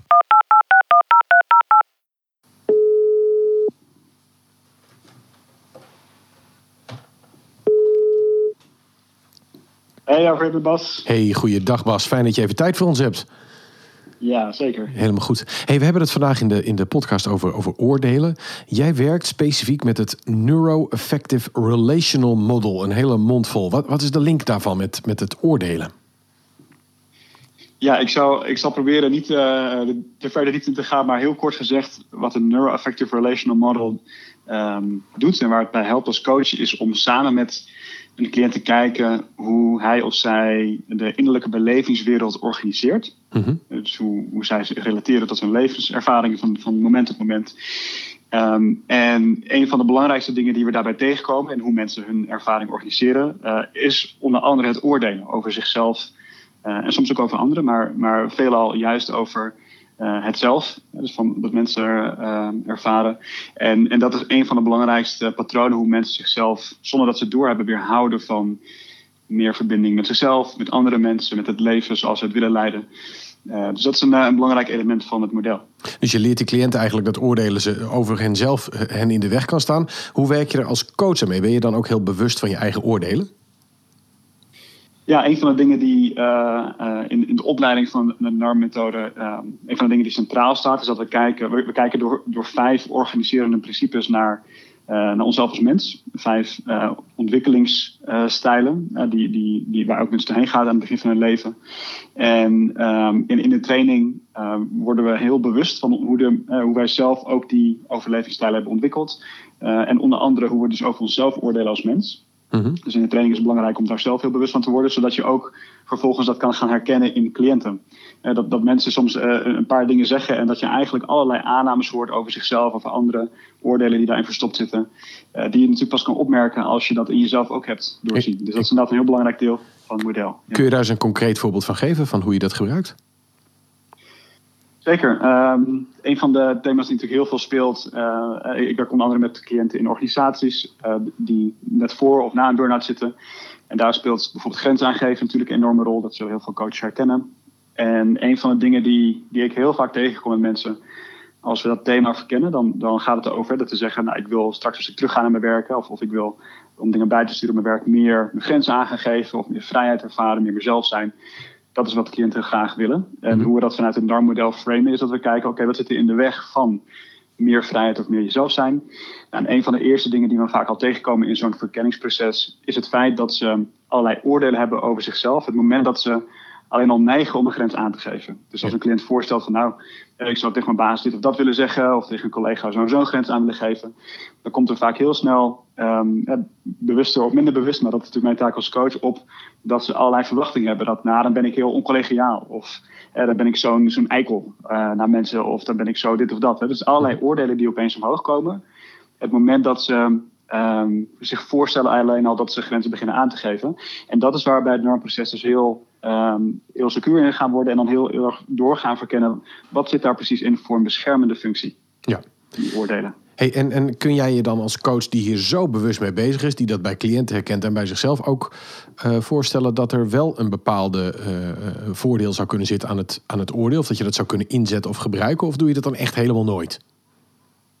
Um, ik, denk hoe, hoe, meer je er bewust van bent, hoe meer je er ook mee kan spelen natuurlijk. Mm-hmm. En uh, je hebt natuurlijk een hele andere coachingsmethodes, provocatieve coaching, uh, waar je juist heel bewust en strategisch dat soort uh, oordelen in kan zetten op een, op een manier dat je daarin juist eigenlijk de cliënt helpt om dichter bij datgene te komen wat ze willen. dus ik kan me heel goed voor. Ik, nou, ik weet vrij zeker dat er methoden zijn die juist er gebruik van maken op een bewuste manier. Ik denk ook dat er coaches zijn die misschien op een onbewuste manier um, daar wel mee te maken hebben. En dat is een van de dingen die in een normmodel ook heel centraal staat, is de overdrachtsrelatie tussen mensen. Wat veel coaches uh, uiteraard kennen. En hoe wij als coach um, in de helpersfunctie ook onszelf onder druk kunnen zetten of onszelf veroordelen, bewuster of minder bewust. En dat kan voor alles zijn wat gaat over dat, dat het onze verantwoordelijkheid is om de cliënt te helpen, of dat het snel moet gaan, of dat we iets moeten fixen. Hè, dat we um, op een bepaalde laag onszelf veroordelen of onszelf onder druk zetten. En daardoor uh, misschien heel veel moeite gaan doen in het coachingsproces of heel veel verantwoordelijkheid nemen, uh, meer dan eigenlijk goed is. Uh, dus ik denk in die zin dat, dat daar heel veel waardevolle zelfreflectie ligt voor ons als coaches in intervisie, supervisie, om te kijken hoe er overdracht ontstaat tussen ons en de cliënt.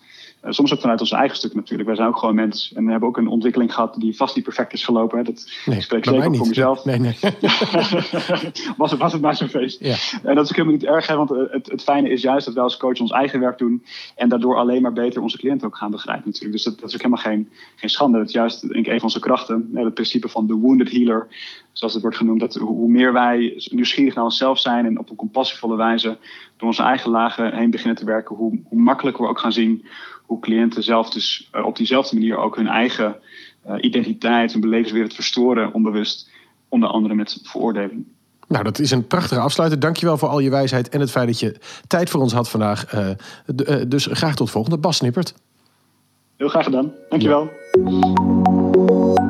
Ja, dat was een gesprek met Bas Snippert. En dan gaan wij toe naar ja, een rubriek. Ja, dat is niet meer een gewone rubriek. Dat is gewoon een hele bijzondere rubriek. En ik ga hem als volgt aankondigen. Tijd voor de boekrecensie met Jelle Westendorp. Ja, Jelle, hier ben je gewoon. In de studio die jij praktisch met je eigen handen hebt gebouwd. Ja, ja. dat klopt. En je hebt je eigen jingle. En ik heb ja, we gaan voor jou een soort uh, icoon maken. Uh, uh, Lilian, vind je dat goed dat we van Jelle een icoon gaan maken? Ik dacht dat hij dat al was. Ja, maar dat is nu bestendig. Dankjewel, goed. Jelle, ontzettend fijn dat je er bent. Het voelt goed. Ja? Het is hier prachtig. voor de mensen die het niet hebben gezien, die krijgen nog wat foto's. Want ja. er stonden twee foto's die nergens op sloegen op de website. Maar dat, gaat, dat gaan we nog even als subtiele hint meegeven ja, aan de websitebouwers. Ja, ja, ik heb wel het idee dat daar nog een hele serie foto's onder had moeten staan via een linkje. En dat is denk ik niet gelukt. Nee, dat, nee het hele fotoboek is weg. Hey, Jelle, jij hebt een boek meegenomen. Het staat van een hele moeilijke naam. Ziad, Ziad Marar. En dat is een uh, filosoof, uh, psycholoog. Hij woonde tot zijn tiende in Irak. en toen is hij met zijn Jordaanese vader en Ierse, Ierse moeder naar Londen verhuisd. Eigenlijk omdat ze moesten vluchten, omdat ze, ja, zijn ouders waren naar een feestje geweest in de verkeerde wijk. En de kogels vlogen hun om de oren, omdat ze daar niet hadden mogen zijn. Dus vanaf zijn tiende woont hij in Londen. En uh, daar is hij eigenlijk stap voor stap uh, geworden tot, tot wie hij nu is. En uh, verschillende boeken geschreven. En een van die boeken is, ja, heeft de titel Oordelen. Jij dacht, het gaat over oordelen. Ik kijk in mijn boekenkast. Ik Heel handig, deze heet gewoon zo. Ja. Hey, dit is makkelijk. ja. Dit is een 1 tweetje. Ja. De ondertitel is ook grappig. waarom niemand je ooit zal begrijpen en de voordelen daarvan. En wat vind je? Is, is het een goed boek? Het is een goed boek als je houdt van eh, een beetje verteren. Het is niet een boek dat je zegt, nou ik ga over oordelen lezen, ik heb het uit en eh, nu heb ik vanuit de schrijvers een perspectief heb ik een plaatje van oké, zo zit het. Nee, hij heeft eh, de, de psychologische, filosofische, antropologische kant, ma allerlei maatschappelijke zaken haalt hij erbij. Hij heeft zelfs voorbeelden van Faulty Towers, hoe Bezel Waar als je daarnaar kijkt, dat je hè, voor de tv zit je bijna plaatsvervanger te schamen. Wat Bessel nu weer uithaalt. En uh, Polly lost het dan allemaal weer op. Ja, voor wie die het weet, is John Cleese. En die is hoteleigenaar. Die speelt onder andere die scène waarin die Don't Mention the War met de Duitse bezoekers uh, vrij hilarisch uh, speelt. Maar ik stelde heel vrouw de dus, vraag, is het een goed boek? Ja. is natuurlijk een vraag naar een oordeel. Maar, maar heb jij, want je hebt dit boek uitgebreid gelezen. Heb jij highlights, lessen waarvan je zegt, nou die zitten in dit boek die ik heel graag uh, zou meegeven aan de luisteraars van deze podcast. Ja, nou ja, goed. Ik vind het een goed boek omdat er verschillende lagen in zitten. En uh, de highlights zijn oordelen gaat over het belang van reputatie. Dat is eigenlijk waar het om gaat. En als ik uh, Gabriel wil zeggen, ja, het gaat uh, bij mensen uh, vaak ook om, om de economie. Hè, dus om een economische kwestie. Heeft een kind een goede opleiding? Uiteindelijk eindigt het altijd bij reputatie. Kom mhm. ik er goed uit? En dat zie je ook bij online oordeelvragen. Hè, dus online beoordelingen naar elkaar, ook op social media. Het gaat om reputatie. Dus dat is een highlight. Ik ga er zo nog iets meer over zeggen. Effect van de fundamentele attributiefout. Die fundamentele attributiefout, die zouden wij als coaches moeten kennen. Hè, dat we denken van ja. Leg hem uh, toch even uit voor de mensen die denken, oh, betrapt. Ja, wat was dat ook alweer betrapt?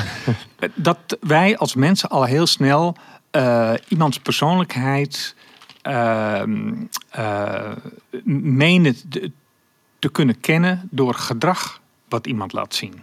Mhm. En we vergeten vaak de omstandigheden.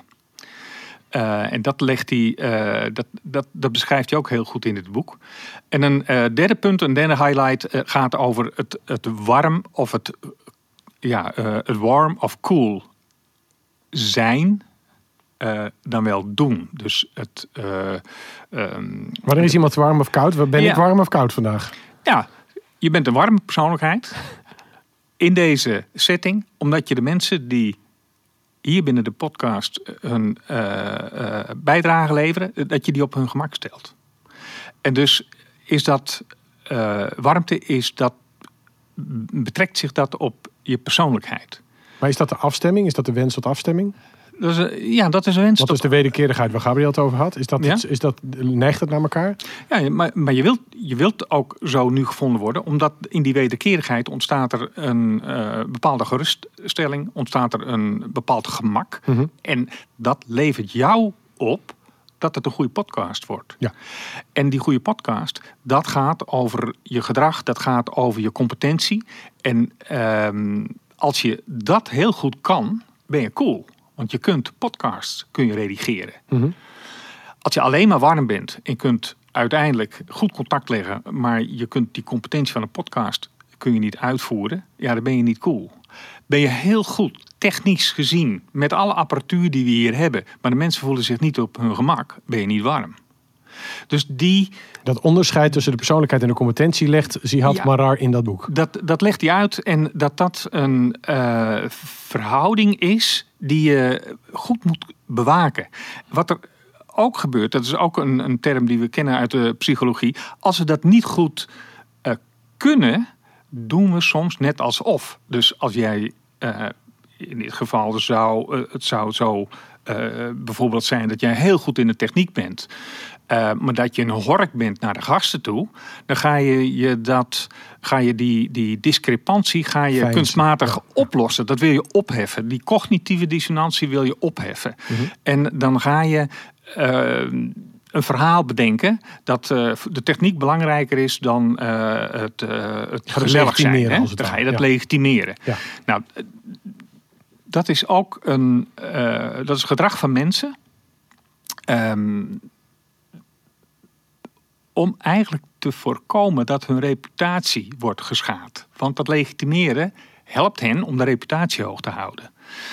Eh, dus uiteindelijk heeft het weer met het oordeel van de ander te maken. En dan zei je bij punt 1, daar kom ik nog op terug. Nou, dat klopt. Omdat we dus heel bang zijn voor reputatie. Want reputaties, uh, dat is voor ons als sociale dieren, is van levensbelang. Ehm, maar toch, het oordeel van een ander is een bron van betekenis voor ons, omdat het, uh, een, een, het, is eigenlijk het noodzakelijke pad naar erkenning. Mm Als je het hebt over wat Gabriel zei, uh, in, de, hè, in het gelaat van de ander zie je jezelf. dat moet je heel breed zien. Ook in het gelaat van de ander kun je een bepaald oordeel zien. Maar dat helpt jou om te zien hoe een ander jou ziet. En dan kun je van denken: wil ik dat zo? Of wil ik dat niet? En misschien moet ik wel iets aanpassen. Um, en Lilian, hoe is jouw reputatie? Want uh, het is een heel ingewikkeld concept. Ben jij daar zo bewust van? Ik heb van Gabriel geleerd dat we diverse aspecten hebben van het zelf. Jij gaat het als smoes dus, gebruiken, hè, zijn verhaal. Welk, uh, dus ik iets aan check. dus nee, ja, uh, ik, ik denk dat mijn reputatie wisselend is. Dat uh, mensen, sommige mensen mij ehm, als cool ervaren en dat andere mensen mij als warm weten. Dus ehm, ja. Maar, maar ben je daar bewust mee bezig? En, en heb je het idee dat dat dus aan die oordelen gelinkt is, zoals deze schrijver zegt? Ik denk dat dat zowel uh, aan oordelen gelinkt is van de ander als aan oordelen van mijzelf. Ja, zeker. Oké, heel goed. Hey Jelle, eh, heeft, heeft dit boek jouw kijk op het thema oordelen nog echt veranderd? Heb je nog gedacht, nou, ik leg dit weg, maar uh, dit was al echt een epiphany?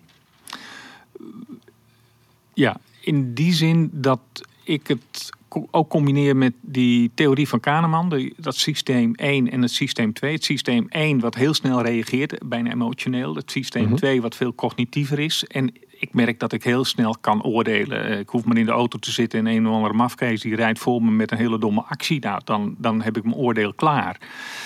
Uh, dus dat is een reactie vanuit het systeem 1. Als ik in mijn werk zit, merk ik ook dat ik bijna een oordeel klaar kan hebben. Dat gebeurt onbewust. Het uitstellen van het oordeel betekent dat ik blijf nadenken: wat gebeurt er? En wil ik dit wel? En is dit eigenlijk goed wat ik nu zie? Mhm. Dus um, ik moet niet alleen naar het gedrag kijken van iemand, maar ook naar de omstandigheden. Wat ik eerder zei, als je het hebt over um, de fundamentele attributiefout. Maar juist bij het systeem van Kahneman, wat zegt: ja, blijf nadenken over. Uh, waar je eigenlijk uh, mee bezig bent. Dus eigenlijk ook nadenken over je nadenken. Nadenken over het oordeel. En dus soms ook het oordeel uitstellen. Om te zorgen dat je, als je het oordeel geeft, ook bewust bent. Dit oordeel, dat zou ik misschien wel eens moeten herzien. Hm. Um, dus ja, dat, dat is, daarin ben ik wel iets uh, bewuster geworden. En ik moet zeggen, ik heb een anekdote, want ik reed gisteren met mijn vrouw en die zat achter het stuur. En we kwamen een zebrapad uh, voorbij. Daar moesten we voor wachten. Er kwamen cliënten van Talant, dat is een, uh, um, een, een, een, zorginstelling. Um, en er was een begeleider en die hield met haar vinger uh, drukte die, of drukte, maar die, die bleef de cliënt aanraken. Je kon zien hoe die uh, situatie was. En toen vroeg ik mijn vrouw: hey, ik zie dat de begeleider de cliënt met haar vinger doorlopend aanraakt tijdens het over het zebrapad heen lopen en daarna. Ik zeg: um, kun je daar iets over zeggen? Ze heeft, ze heeft ook dit soort werk gedaan.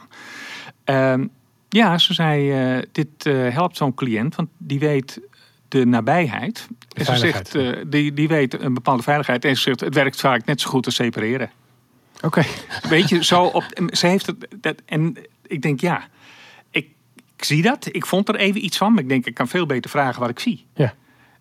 Het was zo anders dan wat ik me had wat ik had kunnen bedenken. Mhm. Dus over een oordeel gesproken. Als je heel, denk, heel snel denkt van hé, hey, wat gebeurt hier? Dat is raar dat iemand zo blijft aanraken. Terwijl daar zoiets functioneels achter zit.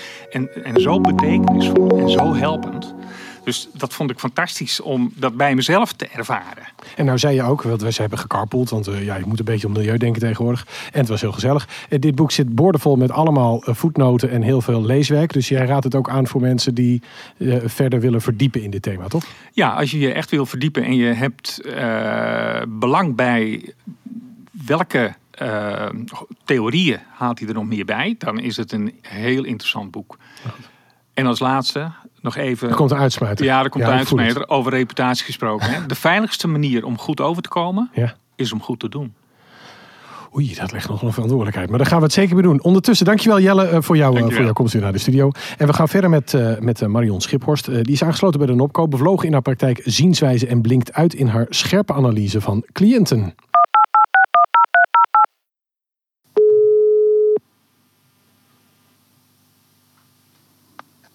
Goedemorgen, Arvid met Marion Schiphorst. Dag Marion, goedemorgen. Welkom in de uitzending. Fijn dat je tijd voor ons hebt. Zeker, Hartstikke zeker. goed. Hey, we mochten jou bellen. Het gaat over het thema oordelen. Jij hebt een praktijk, zienswijze en jij zegt op je website dat je vooral uitblinkt in de scherpe analyse. In hoeverre is er nou een, een rol voor dat oordelen in die analyse? Oeh, mooie vraag. Ehm, nou ja, goed. eh, de, de rol is dat je. eh, nou ja, het gaat ook altijd over een soort eh, beoordeling. Hè? Dus je probeert een inschatting te maken van de indruk die je krijgt van iemand. Mhm. En ook eh, nou, wat iemand zegt, natuurlijk, het totaalplaatje. En eh, ja, dat, dat, dat zien gaat natuurlijk voorbij het kijken. Hè? Dat is een, een totale waarneming. En ook wat er niet gezegd wordt of wat er ontbreekt, eigenlijk mee te nemen in, in het totaal. En, en dan, dan vorm je dus voor jezelf een oordeel, maar benoem je dat dan ook altijd meteen? Of is het niet zo dat je een oordeel altijd meteen inbrengt? Ehm, ja, dat hangt van de situatie af. Maar ik moet wel zeggen dat ik heel veel wel inbreng. En dat ook uitspreek, eh, bijvoorbeeld meteen al in het intakegesprek met iemand. Dat ik zeg, goh, ehm, ik werk vaak zo. Alles wat ik ja, waarneem, hè, ook gewoon bij mezelf, eh, dat breng ik in. En, ehm, ja, wat is dan het verschil tussen een waarneming en een oordeel? Eh, nou ja, de waarneming is ook dat wat er met jou gebeurt, als, eh, hè, wat er gezegd wordt of wat er eh, bewogen wordt in het probleem. En ehm, wat was je vraag, Arvid? Wat, wat zei je nu net?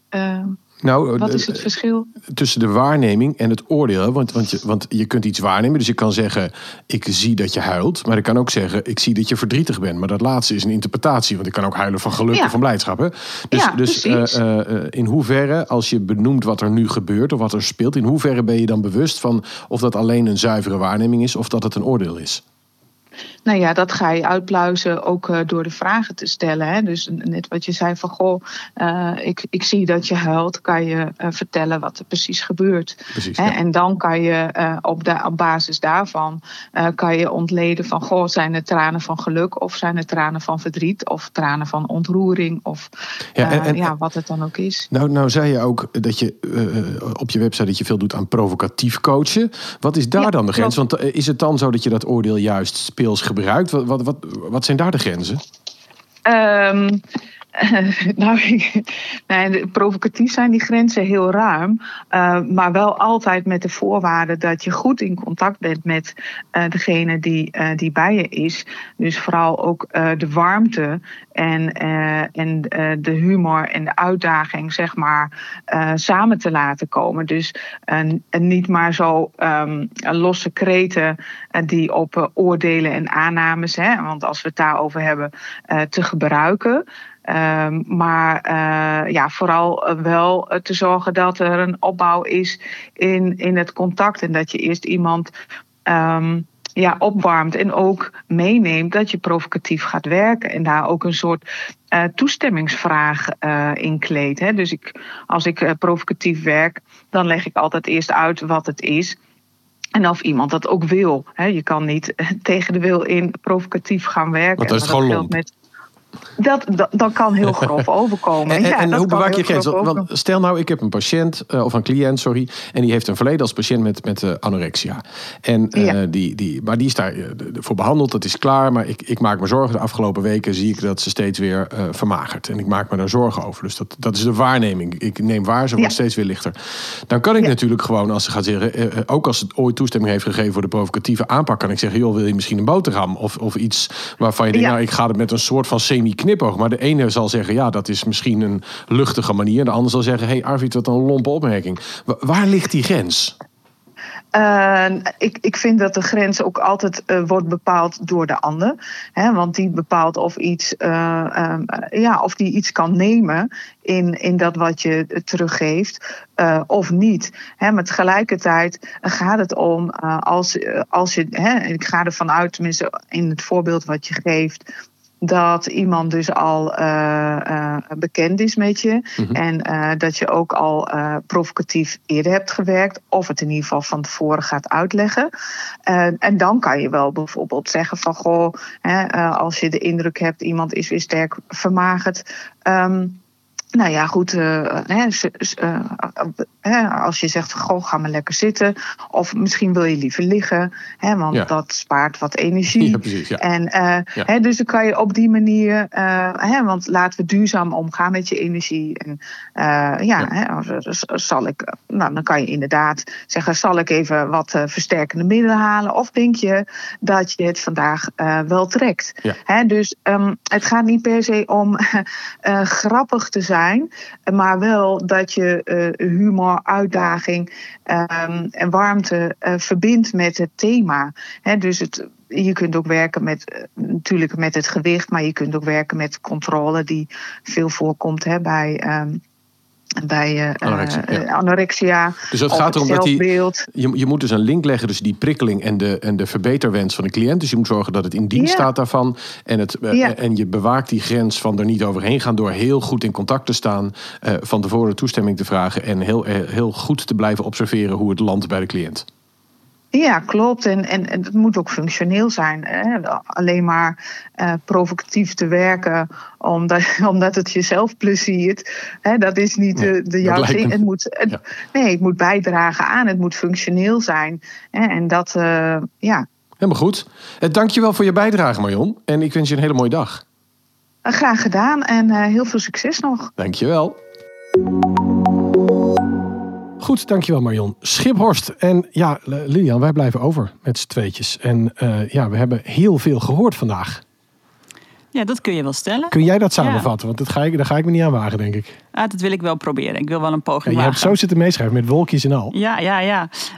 Um, nou ja, ik denk dat mijn conclusie zou zijn... dat als je kijkt naar het gelaat van de ander... dan kijk je dus eigenlijk naar een andere ik. Hè, in een andere um, uh, vorm. Um, ik vond de reputatie uh, vond ik heel mooi in, uh, in combinatie met, uh, met het oordelen. Dus als je het hebt over reputatiebescherming. Hè, kiefietsgedrag komt dan om het hoekje kijken versus het uitreiken naar de ander vanuit je essentie. Met als stoel dus het niet weten of die prachtige O of huh vraag.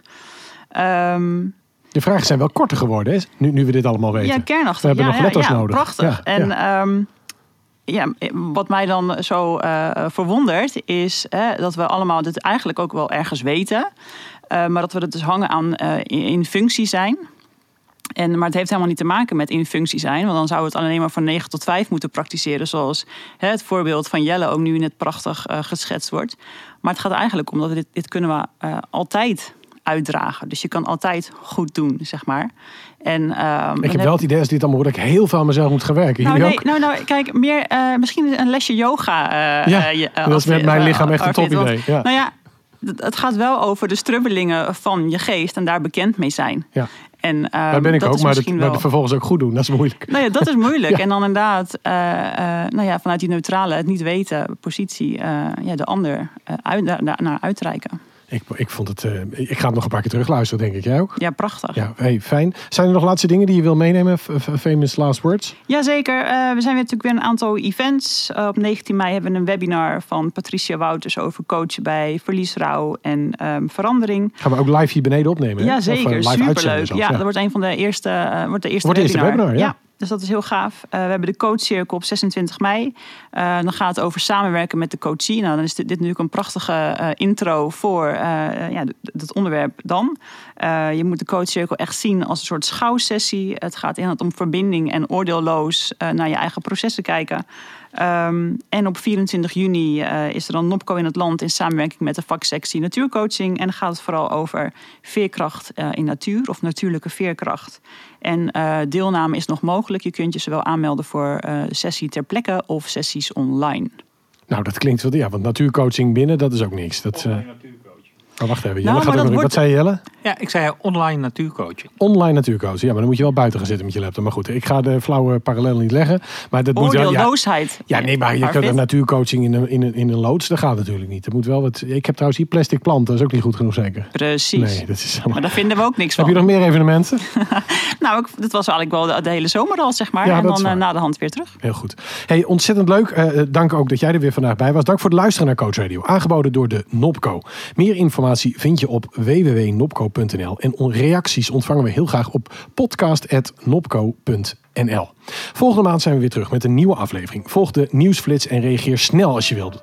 Want eh, eh, afgelopen maand ontvingen we tientallen reacties. Waarvoor dank. Maar ja, we, we, we moeten kiezen. Dus dat, dat hoort bij. Graag tot de volgende aflevering. En tot die tijd heel veel coachplezier. Dank voor het luisteren naar Coach Radio.